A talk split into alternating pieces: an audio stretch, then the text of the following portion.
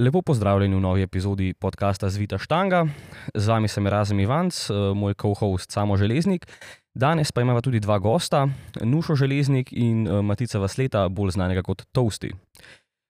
Začeli bomo z nekoliko lažjo temo in sicer, kateri je naš najljubši fast food. Cena, okus, dostopnost, makroti, primernost za powerlifting. Ja, tu imamo, po mojem, več različnih faktorjev. Eno je, a govorimo tu o tem, a ga ti ješ za pre-workout, se pravi pred uh, treningom ali nasploh. Ker tu, po mojem, naredi razliko. A, a gledamo nasploh po treningu, kak ima makrote, kak ima okus, ali specifično ali mi neki tukaj jemo za pre-workout, da imamo energijo med treningom. Ja, tukaj se strinjam.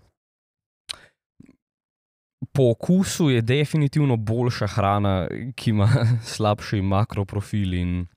Tak, tak da, če bi zbiral čist golo po okusu, bi rekel, verjetno, ker uh, pač naš piščanci, super šanca tam, ko delam.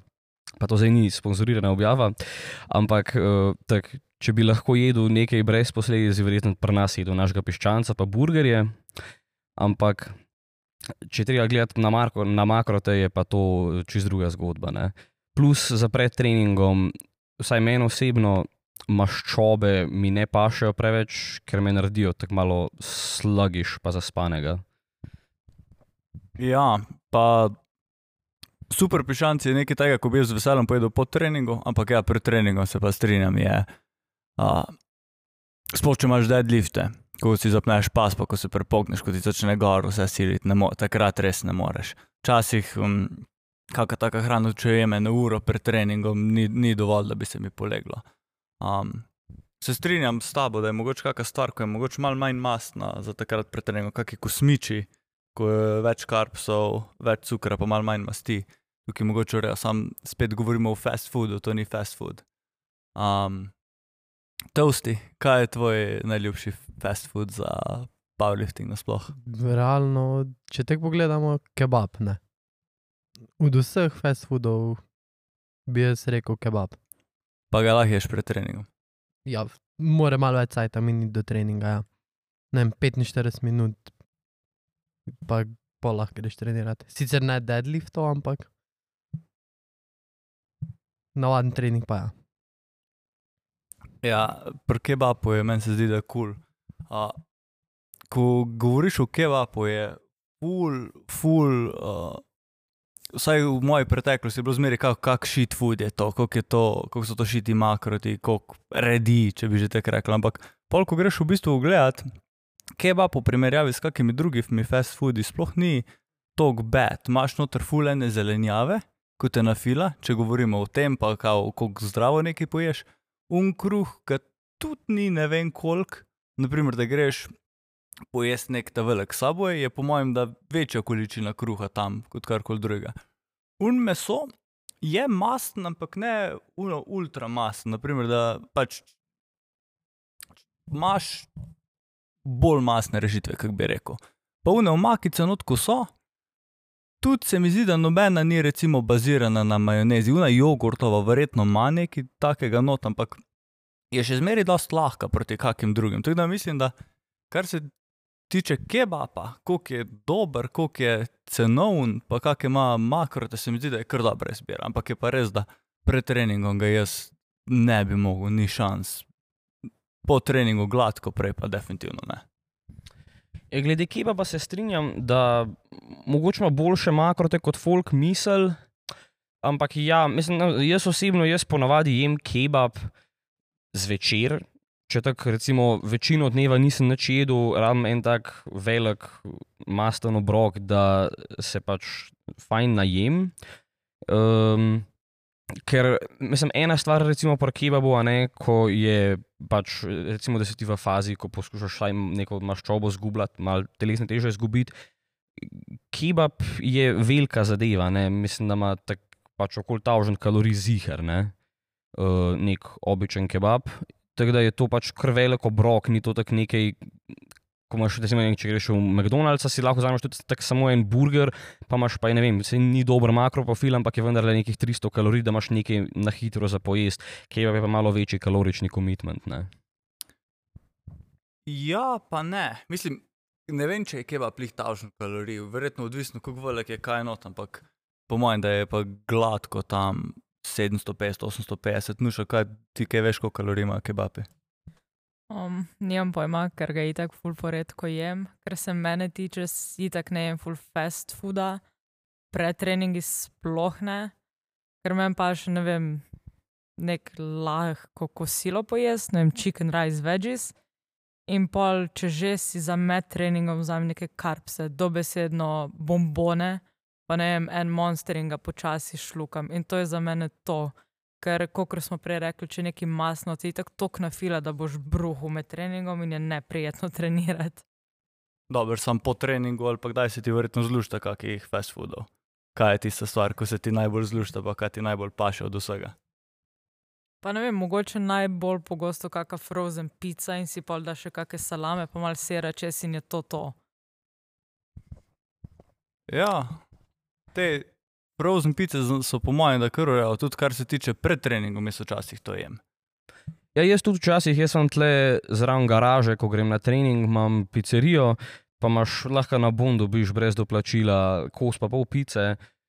To je pa glih tak, da če jo, si jo vzamem, grem v avto, jo spotoma med vožnjo na trening pojem, mi je, to mi je pa dejansko super za trening. Pa so take pice, da niso une neke full debele, full mastne, full tanko testo, pa pač fila gor in so dejansko take, mislim, dejansko so zelo dobre za trening.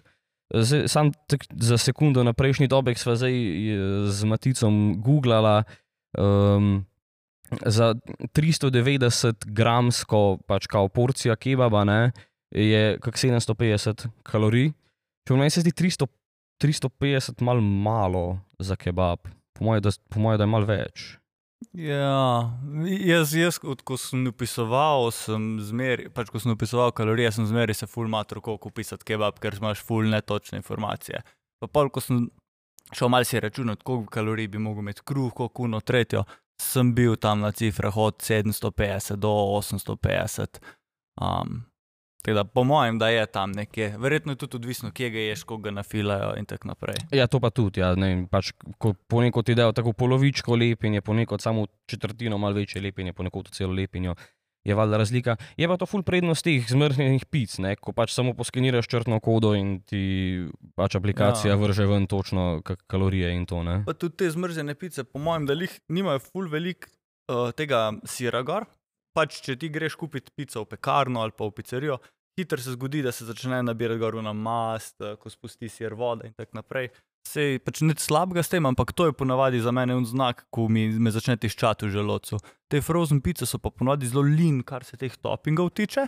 In imaš res un, um, ono testo, nekaj malega gor, da je dober okus, hiter imaš narejeno.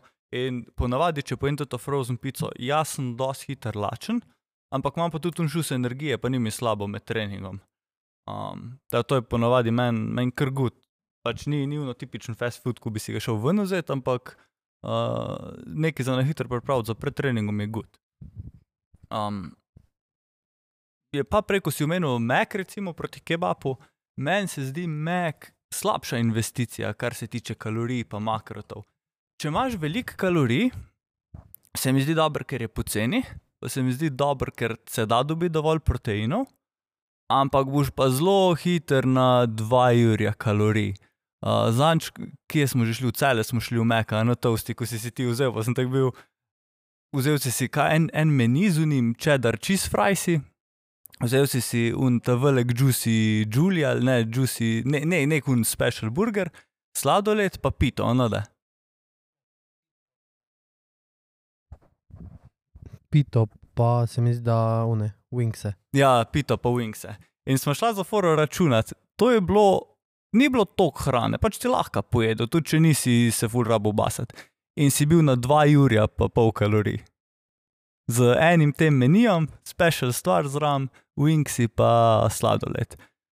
Um, ampak je pa tudi res, da si takoj imel, mislim, je bilo še zmeraj kar dosti proteinov, pa ni bilo, koliko je bilo tisto, ne 12 evrov, 15 evrov, pač 12-15 evrov za 2 ure kalorij, pa pol tudi ni to grozno velik.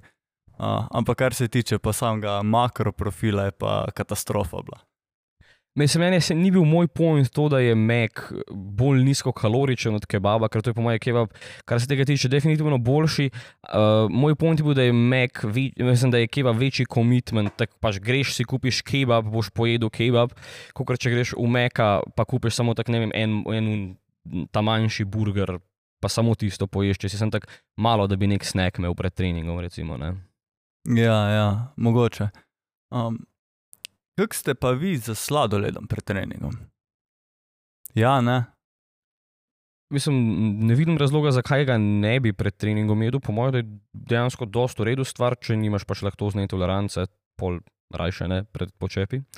Ampak, uh, mislim, jaz osebno ga pač ne jem, ker nasplošno ne jem ful pogosto sladoleda. Nuša, ti ješ, da je sladoled. Um, mislim, da imam rada sladoled, ampak da bi pa specifično rekla, zdaj pa jaz sem sladoled pred treningom, da bom boljš trenirala, pa ne vem, ni mi padal na misel, ker se mi zdaj nimam full od tega. To ste ti si že kdaj sladoled pred treningom? Ne, pred treningom ne. Zanimivo, jaz, jaz sem to ene parkrat začel delati, bolj zato, ker se me pač sam luštalo. Ampak ko sem se pogovarjal z kom se mi je čudno zdelo, ker ima pač dost maščob, da ne sedi v reju trebuhu, ampak jaz sem imel kar dobre izkušnje s tem. Pač, uh, ne vem, se mi zdi res taka konsistenca hrane, da sem dobil šel s cukra pa kalorij. Uh, ampak tudi če sem šel pol deadliftat, mi ni bilo slabo, se res. Uh, mi, meni je bilo kulno. Cool, e, po mojem je pri sladoledu to, da je mislim, v bistvu tekoča hrana. Ne? V bistvu je kot pač praktično kot da bi si naredil en masten shake, pa ga pač zmrznil in ga lizel. Um, in je po mojem zaradi tega manj težko bleži v želodcu, čeprav je pač masten.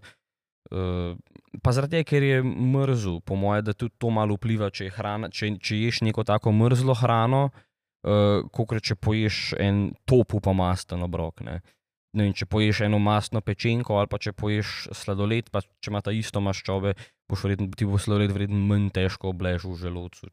Tega, ne vem, ali, mislim, ne vem, ali zaradi tega, ker je hladen, ampak po moje. Ja, ja. To je mogoče moj tak hidden recommendation, če se ti fulušta nekaj, pa rabiš pojesti, pa te strada ti bo slabo pred treningom.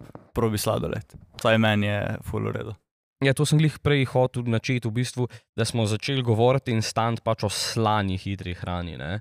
Ampak nismo se pa noč dotaknili sladoledov, kakih kefličev, krofov, uh, ne vem, peciva in takih zadev. -hmm. um, to je pa po mojem dejansko dost dobra opcija, če dobiš kako ne preveč mastno pecivo, ker je pač full cukrasto, sam pa če ni preveč mastno, je to po mojem dost dobro za pred treningom. Jaz vem, ok, to je sicer dost masno, ampak jaz sem en cajt krv doskrat jedel cheesecake pred treningom. Pa mi ni, pa mi ni neč težko obležal. Ker je bil spet nekaj tajnega bolj frišnega, tako na foru sladoleda. Ne? Ja, mislim, te, te sladke stvari imamo, mi v džimu skoraj zmeri neko kar veliko zalogo, ampak bolj za, za intra-workout.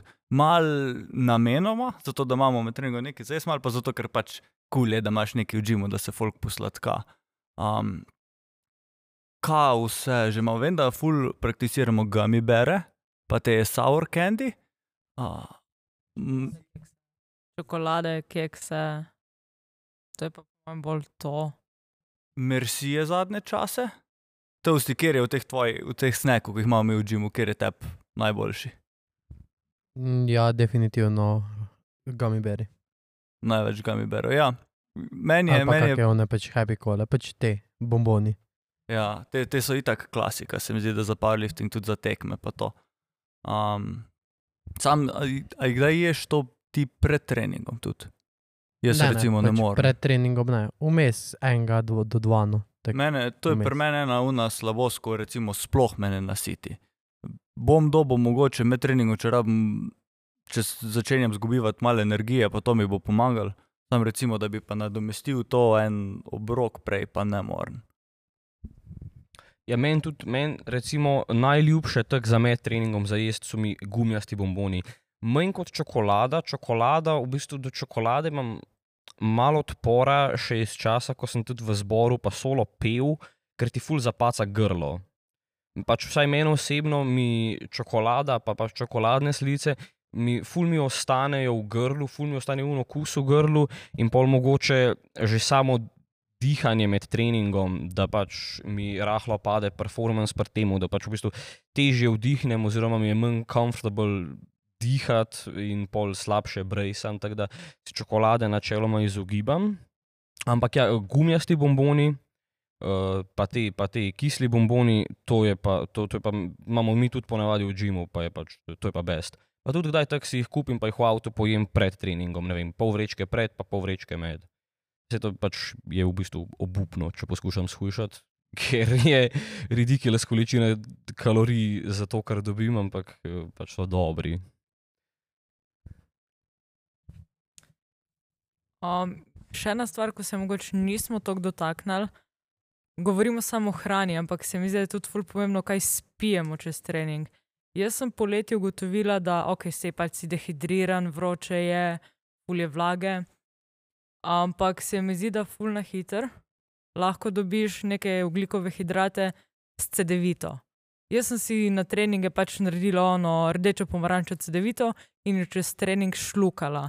In je the best thing, ki sem jo karkoli naredi, kadarkoli naredila med treningi, poleg teh gummy bersov za hitro energijo. To sem se jaz pogovarjal, uh, tudi poleti z Aleksandrom, šoutout Aleksandr iz našega džima. Uh, on mi je predlagal, da si ne naredim svoj izotonik, da se devito solim. On je to delal, on ima full nekih teh life hackov, uh, kak si neke take stvari DIY, to, kar se okoli prehrane tiče. Mislim, da enkrat bi bilo tudi zanimivo njega med, da kakšne take stvari pove, ampak.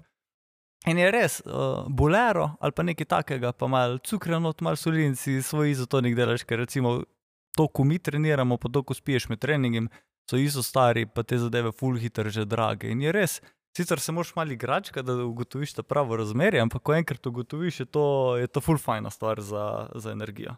Je to isto je meni Matjaš rekel, ko me je še treniral, tako za ta prvo tekmo, ko sem šel, da naj si kupim uh, neko CD-vito ali pa nek, tak, nek ta prašek za pijačo, pa sem tako noter stresel eno žličko soli in se tudi med tekmo to pač pil, da zato da dobiš te elektrolite in to. Uh, to je dejansko da to pač genialno, pa CD-vita je bistveno cenejša od raznih izostarov. Ne? Ali pa še cenejša CD-vita je pa una ora napitek v prahu, jaz, jaz to kupujem. Ja, pač, ja nekaj te pač ripovce, da vidite. Ja. Drugač pa, kar se gummy berov tiče, imajo um, te, ko so ne veganski. To mi je pa tudi Matjaš povedal, ko me je treniral. Ti, ko so ne veganski, ko imajo noter govejo želatino, um, so tudi uporabni uh, za sklepe. Pač uh, med treningom, pač ta goveja želatina ima neke te pač sestavine noter.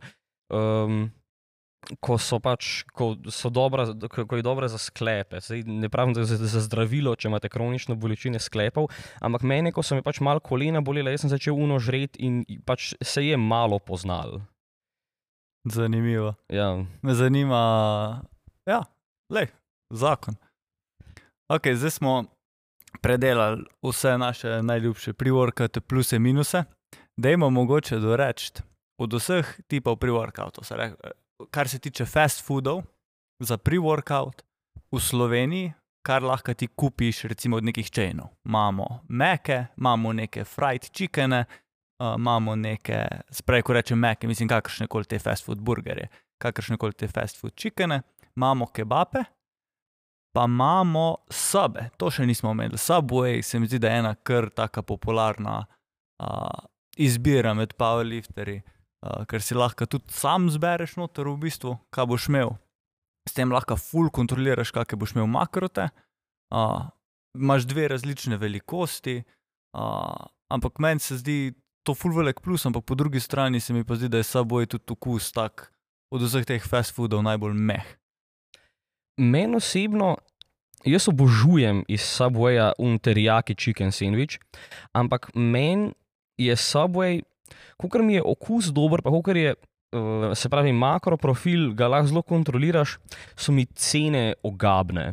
meni je Subway izredno, izredno predrag, ker tudi od unga 30 centi sendviča se ne najem tok, pa, pa če dam, ne vem, dvojno meso, pa vse, pa še na bon, pa dam, ne vem, 7-8 evrov za tisti sendvič. Um, bi se lahko za 7-8 evrov nekje bistveno bolj najedel z primerljivo dobrim okusom, pa mogoče malo slabšim makroprofilom in bi v bistvu overall se mi zdi, da je Subway cenovno, vsaj za nekega študenta, ne, zdaj ne pravim nekoga, ki ima pač dovolj denarja za to, ampak cenovno se mi zdi Subway, da tok pretehta ta cena, da je v bistvu najmanj ugoden. Mm, Ja, jaz sem sicer par let nazaj imela fularajš Subwaye. Zdaj, ko sem pa redno v Ljubljani in gremo vsa, dobesedno vsak dan mimo Subwaya, sem pa ono, uf, bi Subway, ne, ker moram ful doplačati. In je dobesedno to edini razlog, zakaj ne vzeti Subwaya. Dober je, ful mi je všeč, da si lahko vso zelenjavo daš noter. Um, ja, ta terjaki chicken ga zmaga, čeprav zadnje čase je barbecue ful boljši. um, pa pač kruh je dober, ampak to, da moraš doplačati 4,70 evra, je za nekega študenta res dejansko preveč. In se meni zdi, da če hočeš sam nek fast food pojesti za trening, jaz bi še zmeri McDonald's ali pa nekaj takega zbrala.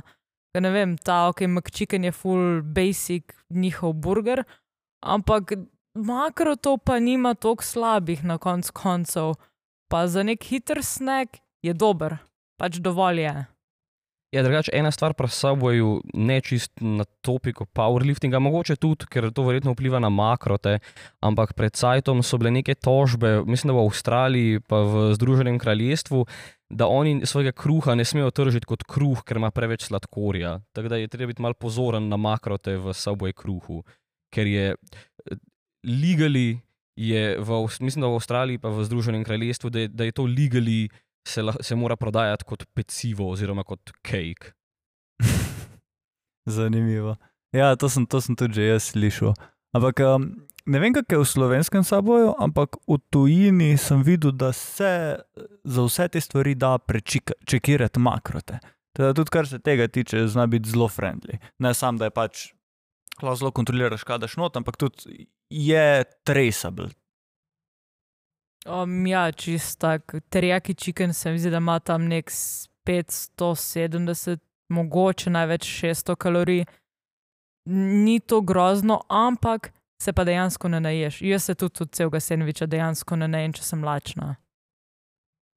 Ja, se pravi, rečemo Subway, vi mislite plus okus, minus cena, minus koliko se naješ, to vsti, kaj ti misliš, mi dva smo si zanč vzela na tem olimpijskem festivalu, ko smo rabila hrano in kak je bila izkušnja.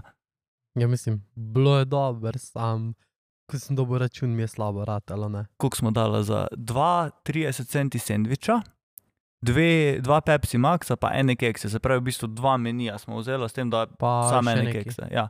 In je bilo 27 evrov, če se ne motim. Ja, pa ko je sedela, kaj še. A ja, še, še štiri KSD-je so bile, Ja. pardon, ker smo to hoteli probati. Se pravi, 27 evrov smo za to dali, pa.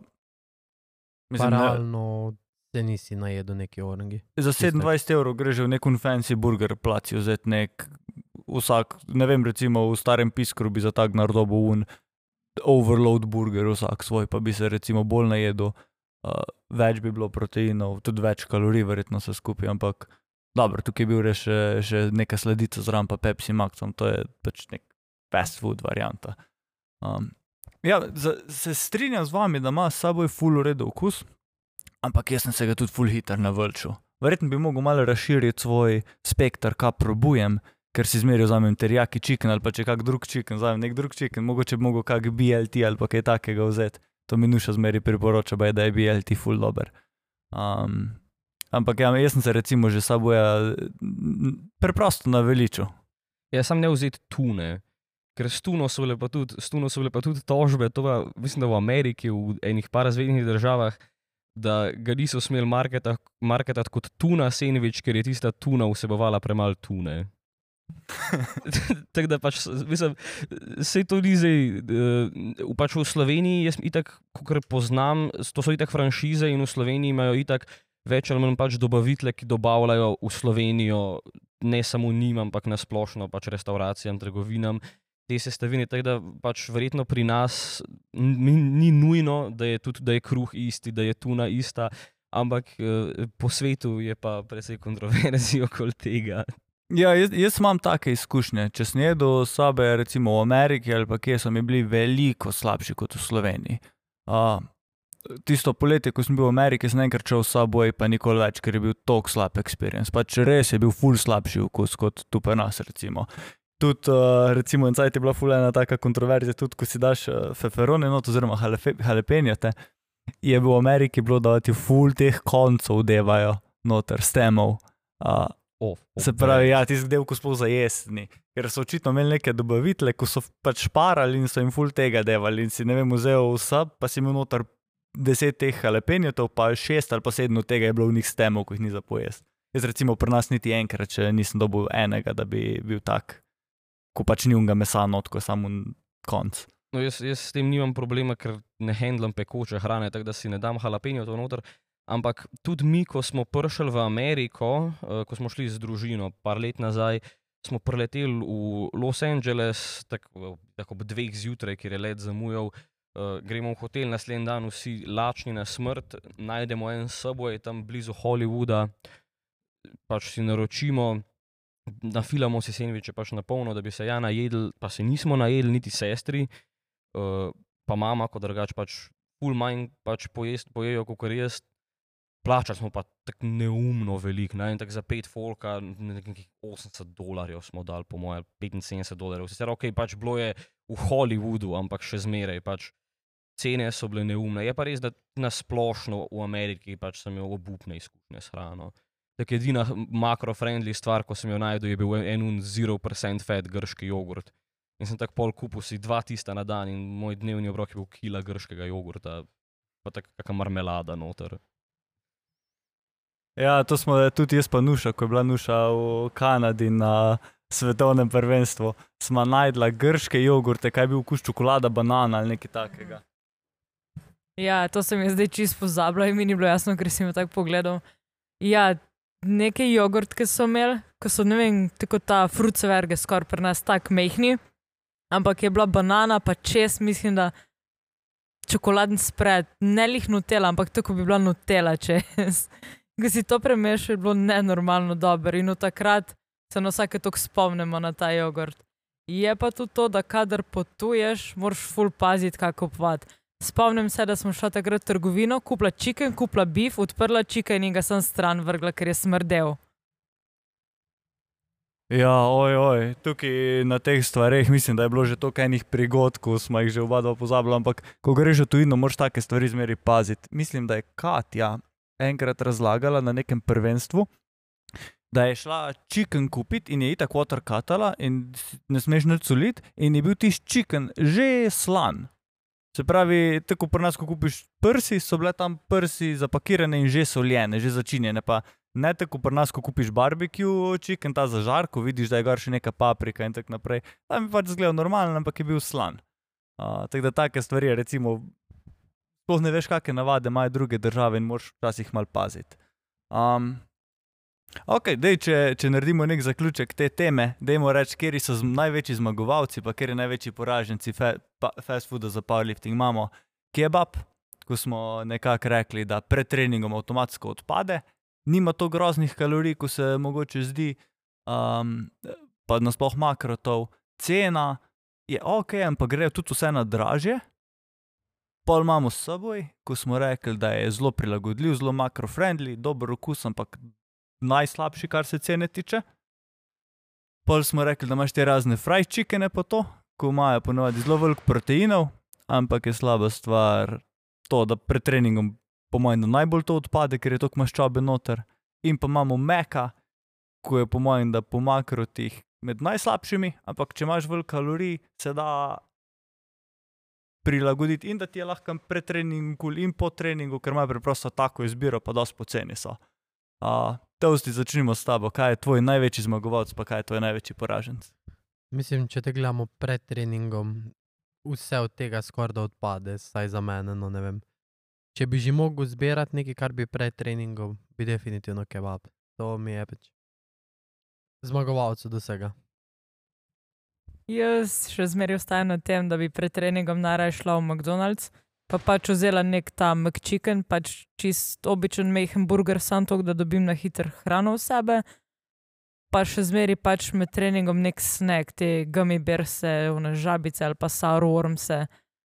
Ker rajš pojem manj pred treningom, pa pač neki na hiter, pa pol še med treningom mogoče mal. Ja, zame, zame, po mojem, še kar zmaga ta moja praksa, ko jo imam, da pač, če sem lačen pred treningom, da vzamem- da si vzamem tak kos pa pol pice, uh, ker se glih tako naješ, se dati malo energije, ni pa uno, da bi se tako najedel, da bi vplival na trening, ne, da, bi, da bi se pač da bi bil prenažrt, ki je pol trataš za span in vse. Um, med treningom pa absolutno neki sour ali pa gummy bomboni. Ja, jaz bi rekel, da izven treningov, nasploh za fast food, bi za mene po mojem tudi zmagal kebab. A, ne morem ga ne vem, kako pogosto jesti, ampak kar se tiče okusa, mi je top, sploh frišen. A, ne un za domu, pač mora biti res ono krispi, takoj ko ti ga speče še un kruh, hrusta. Pa tudi, tudi ko sem hujšel, ga nisem imel nikoli preveč problemov spraviti v svoje makrote. Res je pač problem, da tukaj si zmeri mal v ugibanju točno kakšne makrote ima, medtem ko drugi večji fast foodi je ponovadi traceable, koliko kalorij ima. Ampak, če pa uh, mal golfam, pa grem izven teh franši, franšiz, bi pa rekel za pre-workout, fast food, frozen pizza, se mi zdi, da me še nikoli ni razočarala, pa wild card, uh, sladoled. Zadnje čase res palim na sladoled za pretreningom. Um, ok. Še eno temo sem imel za danes pripravljeno, oziroma smo imeli za razmon pripravljeno in sicer zdaj je dosta aktualno, da se je začelo novo šolsko leto, uh, pa še bolj aktualno, da se je začelo novo študentsko šolsko leto. In dosti velik del populacije powerlifterjev v Sloveniji je v teh eh, letih, se pravi, subjuniori in juniori, študente. In um, zdaj med poletjem, vsaj moje opažanje je, ima full teh ljudi zelo velik napredek. Ker si čisto off, praktično nimaš nič za delati in če resno treniraš, če nisi lih tak, da si tri četrt poletja na nekih dopustih, lahko imaš res dober napredek. Veliko spiš, nimaš nobenega stresa, to se res vse, se mi zdi, da full pozna na to, kako ti gre. Res lahko stvari pušaš. Ampak, pol, ko se pa začne šolsko leto, že pri teh uh, fantih iz našega kluba, recimo opažam, da je že začelo. Uh, moraš kak trening prestaviti, spustiti, začenjaš zbolevati, ker je kar naenkrat toliko več stresa, težje toleriraš volumen. Da, eh, mogoče je ena debata malo okoli tega. Uh, predvsem eh, razen pa nuša vidva sta študenta, kako handlata treninge v teh časih, kako si prilagodita stvari, kakšne mogoče nasveti za uh, tiste, ki so se zdaj podali v novo šolsko leto. Ja, jaz zdaj v bistvu, sem tle glih obratno, kot si razlagal samo. Um, jaz sem v bistvu med poletjem uh, skoraj da nehal trenirati, oziroma sem sam tako občasno mal, da sem ohranil kondicijo neki na približen, ker pač sem bil ali skozi na dopustih, kar pa nisem bil na dopustih, sem pa tok delal, da enostavno nisem imel ne mentalne, ne fizične energije za treninge. Pol tak sredi avgusta sem se pa tako mogel začeti učiti za druge izpitne roke, tako da moje poletje je bilo bolj bogo. Ampak kar se tiče pa treningov med šolskim oziroma študijskim letom, mi pa v bistvu meni celo bolj ustreza to, ker imam nekako natrpan urnik, nekako natrpano rutino in najdem, si zorganiziram v tej rutini čas za treninge. Ni pa, eh, se pravi, se- seveda je pač problem, ne pač delati moraš zraven, da si lahko benzin, gym, to plačuješ. Ampak te glih to nekako prisili, da pa najdeš un time slot za trening. Ker poleti imam jaz, pač pa jaz imam s tem problem, jaz če me cel dan frej, ne bom vedel, kdaj se spraviti v gym in se bom težko kadarkoli spravil. Če pa vem, do, do petih popovdne imam faks, uh, imam pol tri urce cajt za trening, pa imam pa zvečer, ne vem, pač kakršne koli obveznosti že. Evo, tri urce moram šibati. In sem prisiljen, da grem v unih treh urah in me v bistvu to nekako zmotivira, mi zelo ustreza to, da imam pač v bistvu rutino, ker me prisili, da grem na trening, ker če imam preveč cajta, vsega zapravim. Nuša? Je po mojem je tukaj zelo fest, odvisno, kak tip človeka si. Zdaj sem isti tip človeka, da rabim neko rutino in isto ne vem. Imam eno predavanje ob 8 zjutraj, pol sem pa do 4 fraj. Jaz bom pač vmes šla trenirati, nekaj pojesti in pol nazaj na faks, ker je to najlažje, kot pa da sem še do šestih, sedmih na predavanjih in pol na faks, uh, pol trenirati.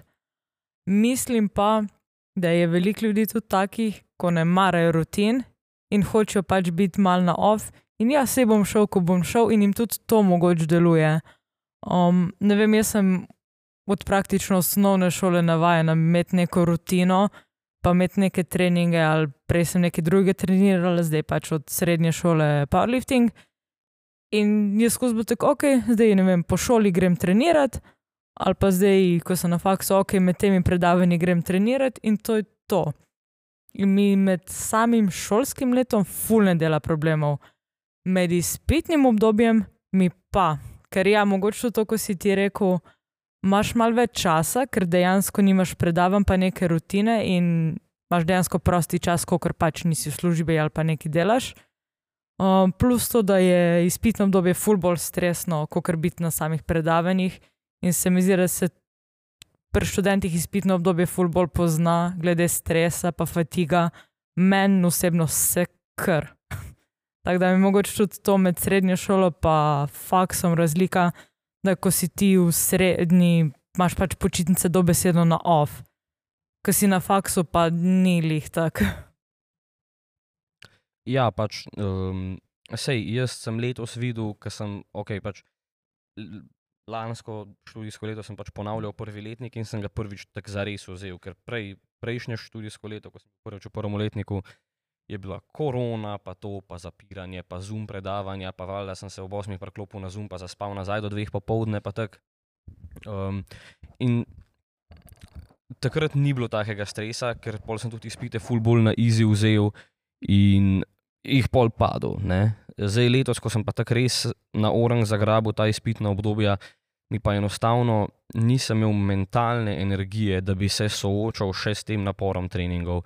Jaz sem od konca maja pa do uh, sredine junija, ko sem imel izpite, jaz nisem enkrat na trening šel. Jaz sem pač cancel, sem, sem gym membership in vse, ker sem pač enostavno nisem mogel. Pa sem imel 24 ur na dan, sem bil prost v bistvu. Pač, lahko bi si prostor razporedil, zdaj se bom pa do 4 učil, šel do 7 na trening, pa se ocenil do 10 učil. Ampak enostavno nisem imel uh, mentalne pa čustvene energije za to. Ja, Um, tu ja. mislim, da je treba razumeti, da stres je stres. Da se je neka razlika med mentalnim in fizičnim stresom, ampak tukaj je še zmeraj dost uh, prekrivanja, po mojem. Velikrat si lahko ti blizu tekme, vsaj meni se to dogaja, jaz blizu tekme, ko je fatig zelo velik, ali pa ne samo pretekmo, že proti koncu cikla, ko fatig narašča, ratam full bolj tečen. Full manj imam uh, tolerance za kakršen koli bullshit ali pa kakršne koli nemotnje v lifeu. Če ne gre vse čiste koče, tako je ratem živčen, hitreje postanem jezen, teže obvladujem stvari. Uh, teda definitivno tu je neka, neko prekrivanje. Uh, mogoče se to še bolj zna poznati v srednji šoli, ko tam pa ni, niso sami spitno obdobje, ampak so v bistvu testi konstantno čez celo leto. Imáš pa res, da počitnice čisto off, kar pomeni na vsake dva tedna, eh, dva meseca imaš po e- en teden čist, čist na off in te, te zna to malo reševati. Pa spet ni, urnik je malo bolj konsistenten, kot mogoče na, na faksu, ko se zna sku- tudi zgodi, da imaš ti zjutraj malo predavanj, pa imaš dve ure, vmes fraj, pa pa popoldne še eno predavanje in ti ti zan recimo cel gre v noč. Ja, to tudi. a ne. Pa meni se zdi, da v srednji tudi vpliva to, da imaš ti, recimo, za dva hipotetična človeka, ki ima je, en je ne vem, v tretjem letniku srednje, en pa v prvem letniku faksa, pa ima je to stresno enako, je pa, je pa v srednji ta stres nekako razporejen prek leta. A ne si bolj pod nekim konstantnim stresom, ker imaš konstantno teste, ampak ni pa unga obdobja, ki bi pa stres tok narasel, da dejansko ne bi bil zmožen delati ničesar drugega, kot je pa na faksu potem izpitno. Ne? Ja. Enuša, ti si praktično celo srednjo šolo trenirala, pa zdaj že tretje leto na faksu. Nekaj je bilo sicer med tem COVID-nim obdobjem, ko je, bila, ko je bilo itak nadaljavo, ampak zdaj je že tudi ten čas uživo. Kje je bilo te plaži, pa kje je bilo mogoče več prilagajanja, kje, kakšni so tvoji pogledi na razliko med tema dvema? Um, Vse jaz mislim, da je med tistim prvim COVID-nim obdobjem itak večini ljudi mal dol padlo za vse, in ali za faks, in za treninge. Meni osebno bolj za treninge, kot za faks, ker mi smo faks imeli pol v bistvu vse preko zuma in teh stvari.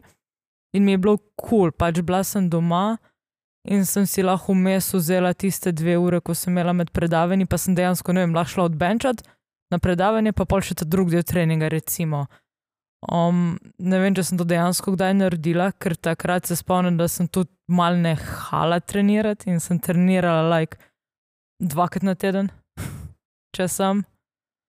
Um, in sem takrat tudi mal treninge opustila pol, ko se je pa situacija tudi tako svetovno mal začela glihati, sem tudi treninge malo bolj resno lahko vzela, ker sem spet imela neko malo bolj oronk rutino, malo bolj resno vzameš mogoče stvari, tako si ti rekel, pač ja, vklopiš zum, pa greš nazaj spat, pač to ne gre.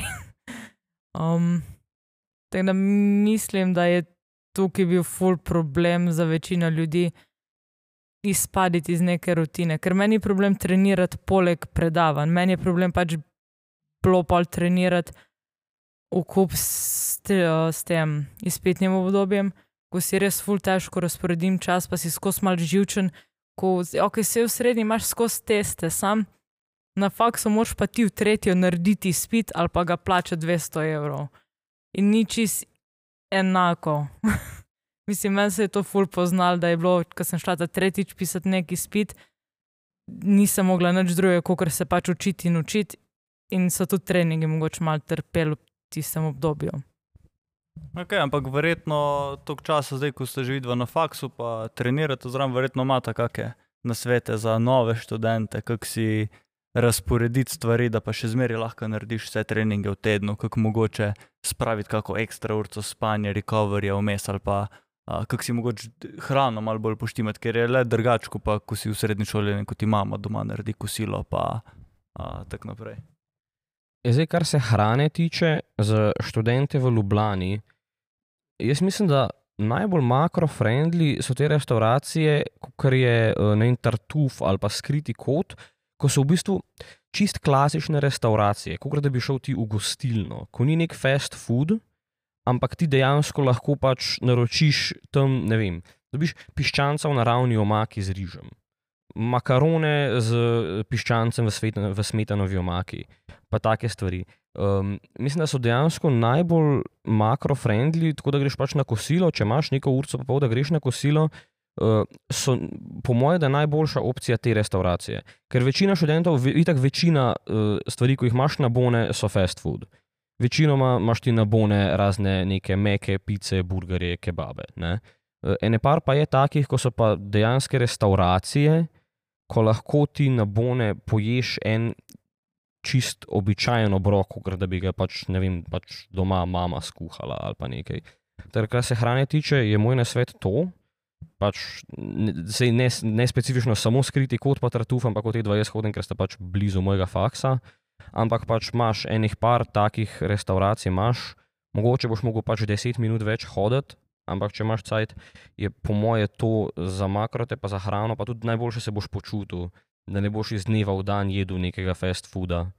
Um, kar se tiče pa razporejanja treningov, imam pa jaz med faksom praviloma tako, da imam dva treninga čez vikend, ker pač soboto, nedelja zihar ni predavan, pol pa pač dva dni v tednu se pa že najde neka luknja v urniku, da lahko greš. Ne? Ja, se jaz v bistvu delujem čist na isti princip, dva treninga vikend, dva treninga čez teden. In tista dva treninga že nekako spraviš noter, pa mogoče pač pol treniraš tri dni skupaj, če ti tak nanese. Ne vem, včasih imaš kakšne vaje obvezne ali pa kaj takega, ko se pač predstavljajo, ker si na faksu in sam napovejo. Pač je bi ga boš treniral tri dni skupaj, se je to sam enkrat.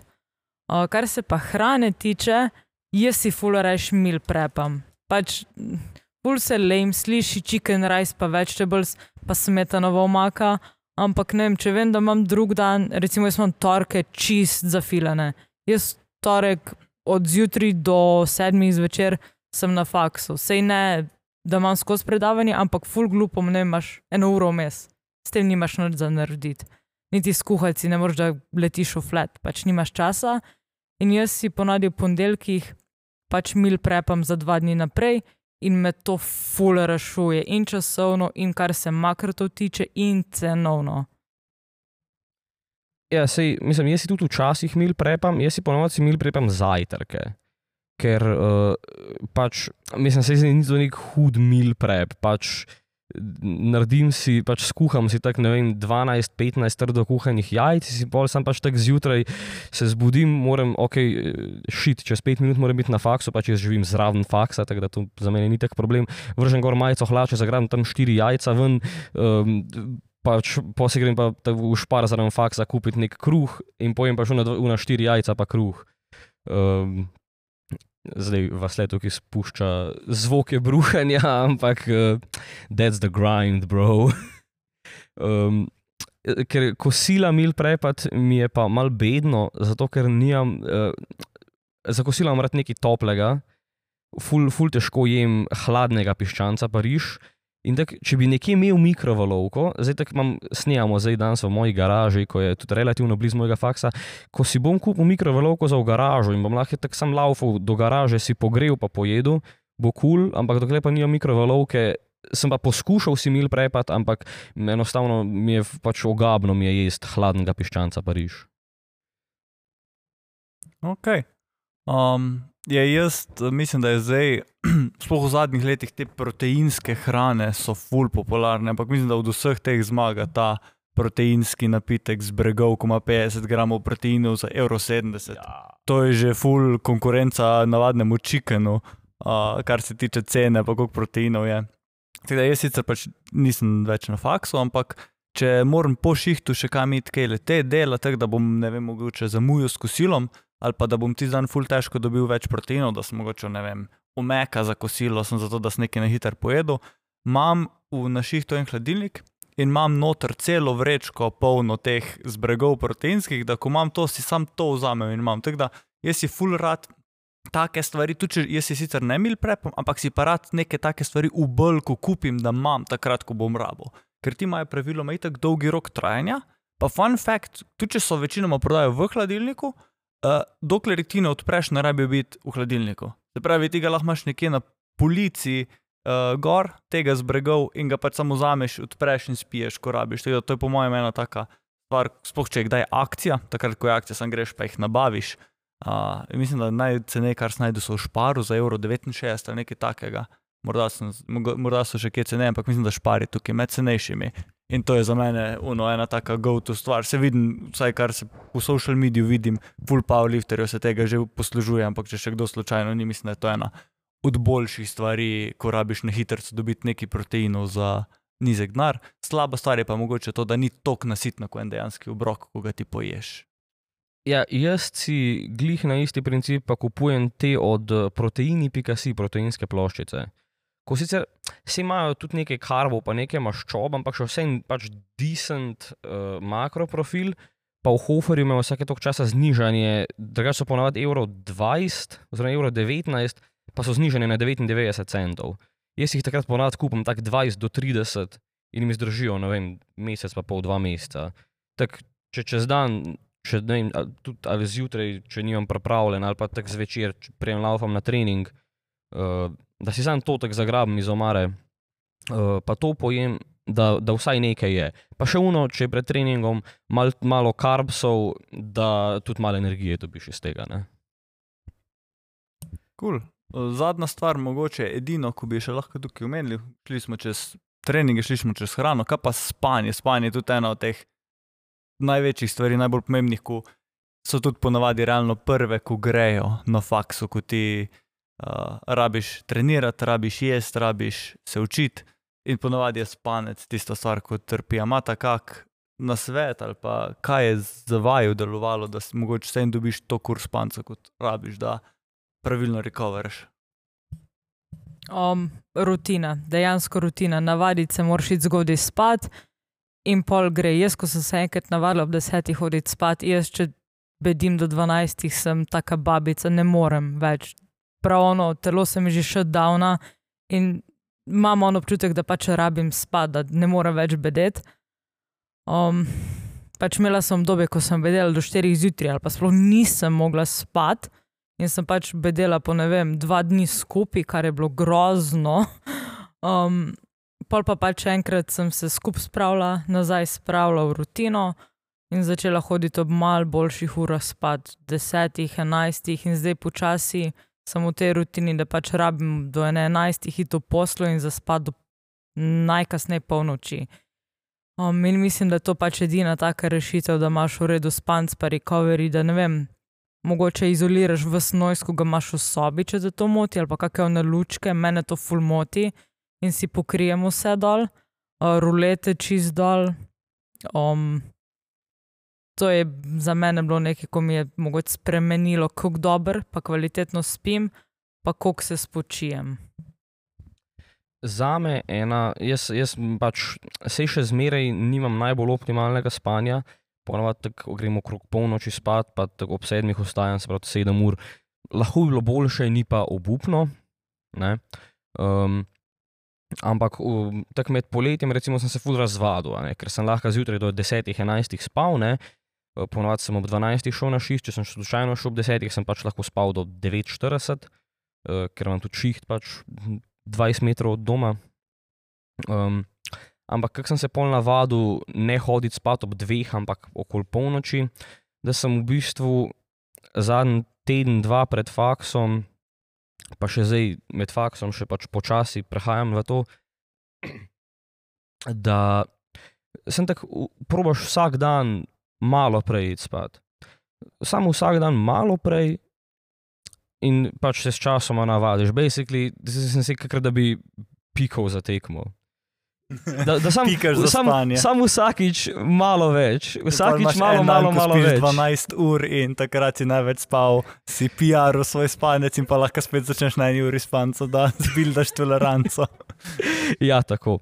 Pač, no, pa ena stvar, ko, pač, ko si rekla, nuša, pač, ko si imela težave, da zaspiš. Meni se tudi to včasih zgodi, glih v, iz ponedeljka na torek, kar mi je bilo čudno, ker pač v ponedeljek je bil prvi dan faksa. Na, iz nedelje na ponedeljek sem normalno spal, pol pa iz ponedeljka na torek, pa dejansko v celi noči sem spal po moje 15 minut, ker sem nisem mogel zaspati, pa sploh ne vem zakaj. Ampak eh, če ni tak resen problem, um, si lahko melatonin ali v tabletkah ali pa v spreju. Jaz ga imam v spreju, tako vzameš en sprej melatonina in pač tako malo pomaga. Zdaj Ne, bom, ne, ne zaspiš kar instant, ampak malo pomaga, pa malo pomaga negirati te, ta efekt um, ekranov. Ne. Ker zdaj smo tako vsi več ali manj. eh, Delamo konstantno stvari na računalniku, na telefonu. Jaz tudi, vem, tudi ko pridem zvečer domov, ne vem, ob 9, 10 pridem domov, imam vedno še kaj za zrihtati na računalniku, če pa nimam kaj za zrihtati, pa pač gledam kakšne videe ali pa kakšne traparije. In sem pol v bistvu praktično do spanja na nekih zaslonih, ne, kar pač ni dobro, ker ti vpliva na kvaliteto spanja. Um, mogoče melatonin malo pomaga pri tem, ker mislim, da je glih po tem principu to deluje, da modra svetloba blokira tvorbo melatonina. Ne. Tako da Ja. v bistvu suplementacija se melatonina da splača lahko tudi pomaga. uporabiti. Praktično vsi moderni mobiteli, tablice imajo zdaj že night mode, ko ti modro svetlobo močno zmanjša. Uh, velikih ima celo, da si lahko vklopiš avtomatsko ob sončnem zahodu, da ti preklopi in to je full dobra zadeva. Uh, mogoče samo extendam, to meni tudi full pomaga, da sploh nisem na telefonu zvečer, se pravi, jaz ga pustim na drugem koncu spalnice, kar mi tudi pomaga zjutraj, ko mi budilka zvoni, se moram vstati, da grem jo ugasniti in mi pomaga prej se vstati. In pa namesto, da sem zvečer na telefonu, uh, velikrat berem.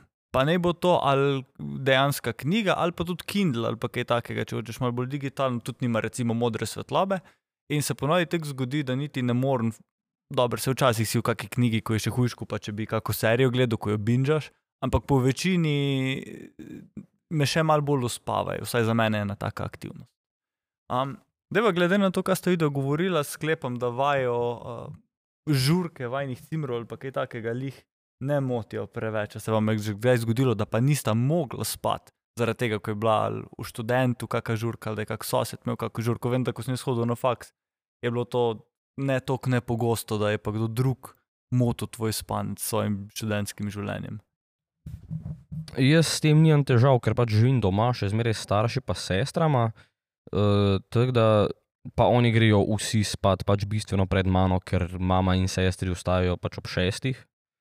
Uh, fotor pa tudi tako nekaj sedmih, tako jaz, tako da grejo vsi že pred mano spat. Tako da dejansko nimam nekih problemov, razen tega, da živim v centru in se pol tako okrog enih začnejo ljudje z straight pipanimi dizel BMW žgat po naši ulici. No. Uh, edino to je mal problem, ampak mi pač imam, dam si roleto do dol, pa včasih si pač naštijem na telefonu kak podcast ali pa video, da me v bistvu samo tisti zvok, niti ne poslušam, sem tako, da me zvok zamoti od ostalih zvokov, pač ko nekdo nekaj bolj umirjeno govori, um, da me tisto zamoti, da pa tako zaspim. Ja, jaz imam pa blazno srečo, ker imam super cimro in je tako tiha, da sploh ne vem, da obstajajo stanovanja včasih. Vem, da je noter sam pač zato, ker vidim, da ima čevlje tam in to je to. O, zvečer je full tiha, včasih, včasih full vol, ker gre pač pred mano spat. Um, imam tudi to srečo, da nisem v študentu, pač imamo vsaka svojo sobo, to je full velik plus. Um, pa to pač, da nisem v študentu, ker nimam žurko okoli sebe. Tista je ena žurka na tri mesece, jo dejansko preslišim in jaz nimam problemov s tem, da pač ne bi mogla zaspati, ker je nekaj glasno. In isto kot ti, včasih si pač samo en podcast ruknem gor na najtišje, kar gre na mojem telefonu, samo to, da mi nekaj šumi zadnji in je ful bolj enostavno mi zaspati. Ok, hvala vam za te nasvete. Upam, da tisti, ki hodite v šolo, ste študenti, da vam je mogoče na kakršen koli način pomagalo. Zdaj pa za zaključek tega podcasta, mogoče ena taka malo bolj light-hearted tema. In sicer, par vikendov nazaj smo bili na Olimpijskem festivalu in tam se nam je začelo porajati vprašanje. Mi smo nekako med vsemi temi športi, nekako, kako bi rekel, skoraj da najmanj atletski, zelo nič kardija, samo dvigovanje teži, zelo malo drugih vrhunskih športov ima deb toliko debelih ljudi, kot jih ima powerlifting. In smo začeli malo ugibati, pa se pogovarjati. Uh, Kjer mislite, da bi bili od drugih športov, razen weightliftinga, se pravi olimpijskega dvigovanja teži, zelo, zelo dobri v powerliftingu, pa kjer mislite, da bi bili zelo, zelo slabi v powerliftingu? Zdaj, po mojih izkušnjah s strongmenom, ogromno strongmenov je bivših igralcev ragbija ali pa ameriškega nogometa. E, tako da, po moje, itak, pa tudi kar gledam treninge za te dva športa. Sploh za ameriški nogomet, ko imajo ta high school football, pa to gledaš, pač, ko imajo prav na high schoolih, ko delajo oni, ne vem, 140-150 kil kline, pa take stvari. Uh, bi rekel, da ta dva športa definitivno bi bili, pač, mislim, imajo velike in surove moči, tako da če bi, imel, če bi dal ti enega uh, igralca ameriškega nogometa.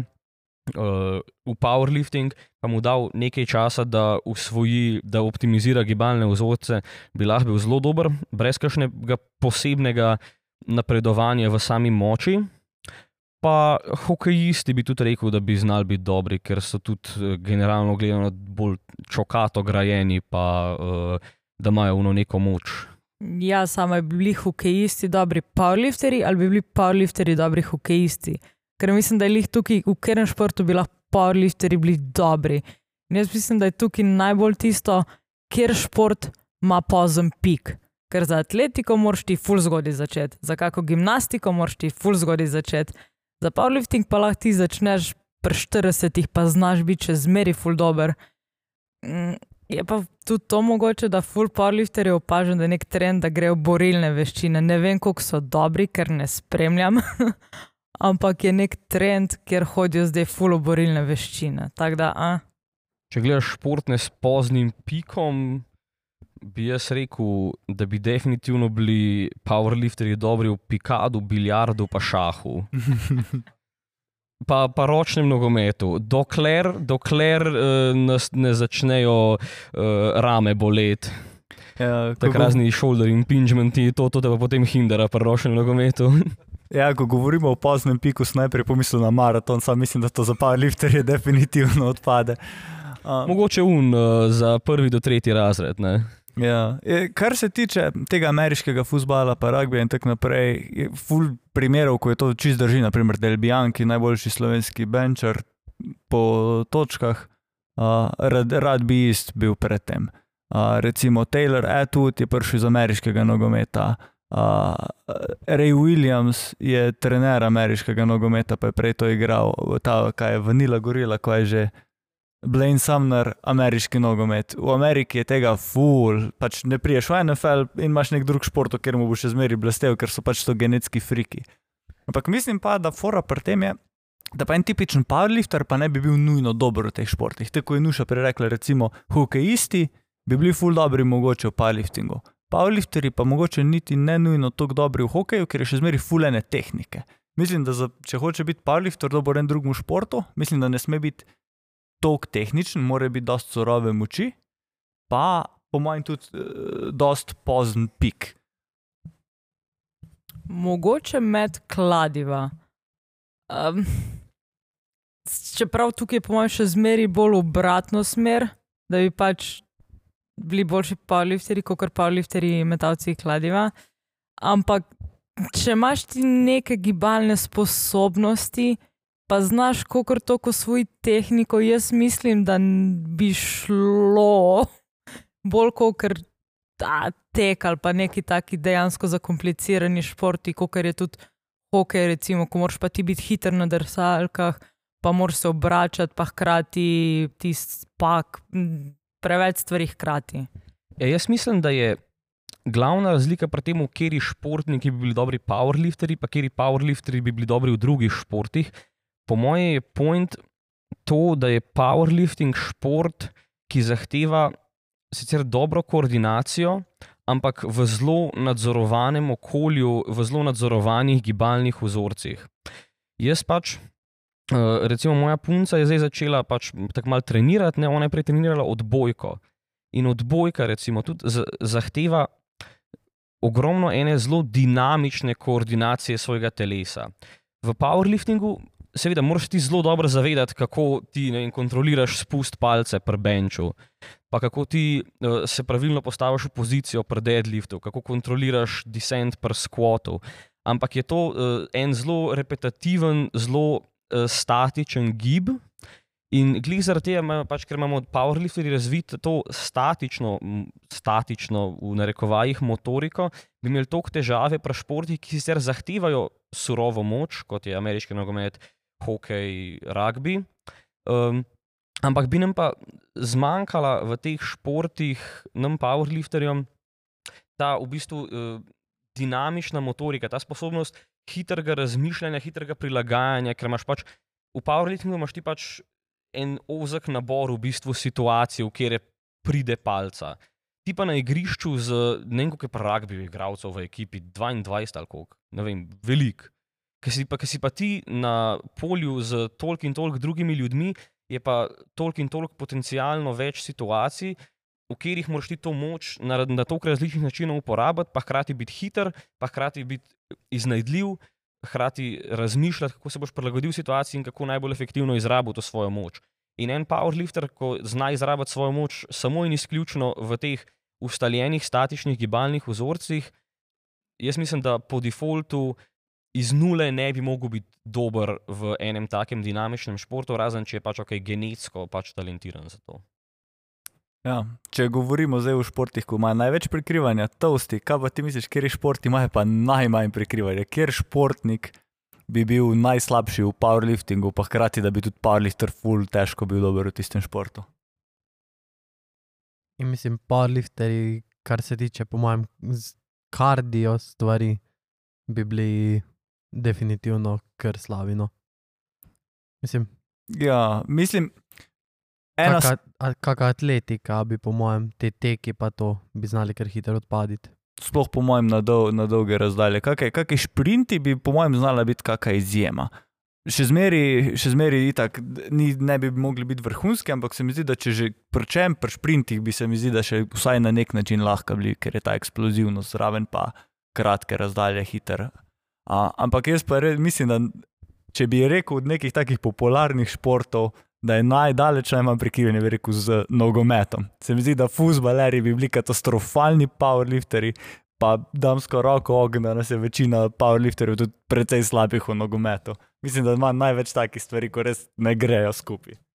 Jaz bi še skoraj bolj kot za nogomet rekel za košarko, pa odbojko. sploh za moško košarko in moško odbojko, ker so ponavadi modeli blazno visoki, blazno razvlečeni in bi jih večina imela ena, obupne leverage, obupno konstitucijo za powerlifting, pa dve, powerlifterji bi bili, generally speaking, vsi bistveno preniski, bistveno pretežki, pa bistveno premalo koordinirani za to. Pač, kar jaz poznam, powerlifterjev, večina nas, po mojem, ne bi mogla nekega overhead kucanja izvajati, že sam zaradi tega, ker imamo tako zategnjene rame. Zdaj, ok, pač imamo izjeme. Drenovci je pač uh, zelo, zelo soliden basketaš in, zel, in pač tudi zelo soliden powerlifter, ampak jaz bi rekel, da je on bolj izjema kot pravilo. Ja, mislim, da je edino upanje za powerlifterje tudi, če bi basket postal kontaktni šport. Ja, evo, pa to, pa da, bi, da bi spremenili pravila, da bi jaz lahko svojo težo enega dončiča pač tako ruknil, da ne bi nazaj v igro prišel. To bi mogoče, da lahko nas naredilo uporabne v basketu. Ampak ja, pač večinoma bili pretežki, premalo koordinirani, pa preveč zategnjeni. Jaz mislim, da kar se tiče, kako smo razporejeni po kategorijah, pa da nekako se upada tudi s tem, koliko si visok, takoj odpade smočarski skoki. To pa tudi absolutno. Smuč, ja, Premajhni smo, to je prvo, pa pretežki smo, face pretežki. pa jaz bi rekel, predvsem pregosti. Ker po moje, pri powerliftingu ti korist, da pač, mislim, itak je dokazano, da strength training ti poveča uh, bone density, ne? gostoto kosti. Ti padalci, eh, mislim, padalci, skakalci, skakalci, pa tako po moje, da morajo imeti pač v bistvu. Kar se da lahke kosti, pa celi biti, kar se da lahki, da tam pač čim bolj letijo. Ne? Ok, pač morajo kosti zdržati pristank, ampak kar je pa nad tem, da zdržijo pristanke, pa, eh, pa pač kontraproduktivno, po moje, za njih. ne. Ja, zdaj si predstavljam, mi imamo najlažje moška kategorija 59, ne? in vemo, kako nizki ljudje so to. Zdaj si pa predstavljaj, da tako težki ljudje so tako višji v smočarskih skokih. Ja. Um, je pa ena stvar, sem se pa še spomnil, še en šport, ko bi mogoče znali biti dobri. Um, to kolesarstvo, uno, zelo hitro, veš, ko je v, v krogu, ko imajo, ko oni tipi, ko imajo tok nabite Ja, noge. to ko imaš- sprint v teh Ja, ovalah. ko imaš na imaš- YouTubu kakšne njihove posnetke, kako kdaj diskvatajo. ko, ja, ko imaš Firstermana, ko ima, mislim, da 33 ali 34 inčne kvadre, ko pač model, ko si da hlače gor, po mojem, da, da, da, vem, po mojem, da si mora ti pač kupovati hlače, ko imajo zadrgo spodaj v mednožju, da si jih čez glavo da gor. Ja. Ker čez tiste kvadre ti ne spraviš ničesar. Pa po mojem, da je ti šport še zmeraj dosti tehničen. Ampak tako čist, čist lajčen, nimam pojma o tem kolesarjenju, ampak sam Ja. ja. tako na prvi pogled je po mojem veliko manj tehničen kot pa kakšni drugi športi, o katerih smo danes govorili. Tako da mogoče je še kanček upanja, da bi bili powerlifteri dobri v tem, ampak mislim pa, da oni pa ne bi bili tako dobri v powerliftingu, ker zelo dvomim, kako bi bili oni dobri v benču. Ok, za te, za te eh, šprinterje, ta Firsterman, recimo, on ima tudi upper body, sicer kar precej nabit. Bi rekel, da bolj nabit od 95% PLZS-ja. Um, ampak eh, definitivno bil pa bistveno boljši v skvotu kot v benču. V deadliftu, po, pravici povedan, nimam pojma, kakšne bi bile, ker ne vem, kakšne imajo to proporce. Je pa res, Kakor sem, men, kakor sem jaz gledal malo s parimi kolegi, ko se s tem ukvarjajo oziroma sledijo kolesarstvu, eh, če sem jaz prav razumel koncept teh dirk v teh ovalah, oni večino časa, v bistvu, pač, ko grejo v paru, ko tekmujejo v tem sprintu, v bistvu ni bistvenega pomena, eh, kjer, eh, pač, kako hitro pridete okoli, ampak samo kjer prvi pride okoli. In kar jaz vem, v bistvu je večina. eh, Te tekme v bistvu samo eno igranje uh, enih, uh, pač v bistvu sam, sam, sam špilata drug drugega, kjer bo prišel naprej, pa čisto uh, počasi kolesarta. Zaradi tega, da bi oba prišla v čim boljšo štartno pozicijo, samo za untek zadnji krok šprinta. Tako da bi v bistvu powerlifteri bili lahko dobri v tem, tudi iz tega razloga, ker v bistvu, tudi če je samo tri kroge, dejansko na oren gonijo samo zadnji krok. Zdaj, mogoče, da sem to čisto neumno rekel, ampak tako se je meni zdelo, ko sem gledal tekme. Tako sem jaz razumel, da to funkcionira. Ja, Če hočemo preveriti, mislim, da bo en od poslušalcev rabo na Štajersko in prenes kolo in bomo po tehtanju šli ene par krogov okoli dvorane, da preverimo. Ja, um, Istorijoma naj sporočijo, če imajo tam kak ta kolesarsko progo, pa bomo zrihtali dve specialki. IPF approved kolo. Ja, bomo jo poslali na IPF tehnični komitej, pa plačali kako 300 tisoč evrov, da jih apruvajo. Ne? Ja, Toast in Nuša, najlepša hvala, da ste se nam danes pridružili za tole debato. Um, hvala vsem vam, da ste nas poslušali in se že slišimo, upam, da kmalo v naslednji epizodi Zvite štange. Lep pozdrav.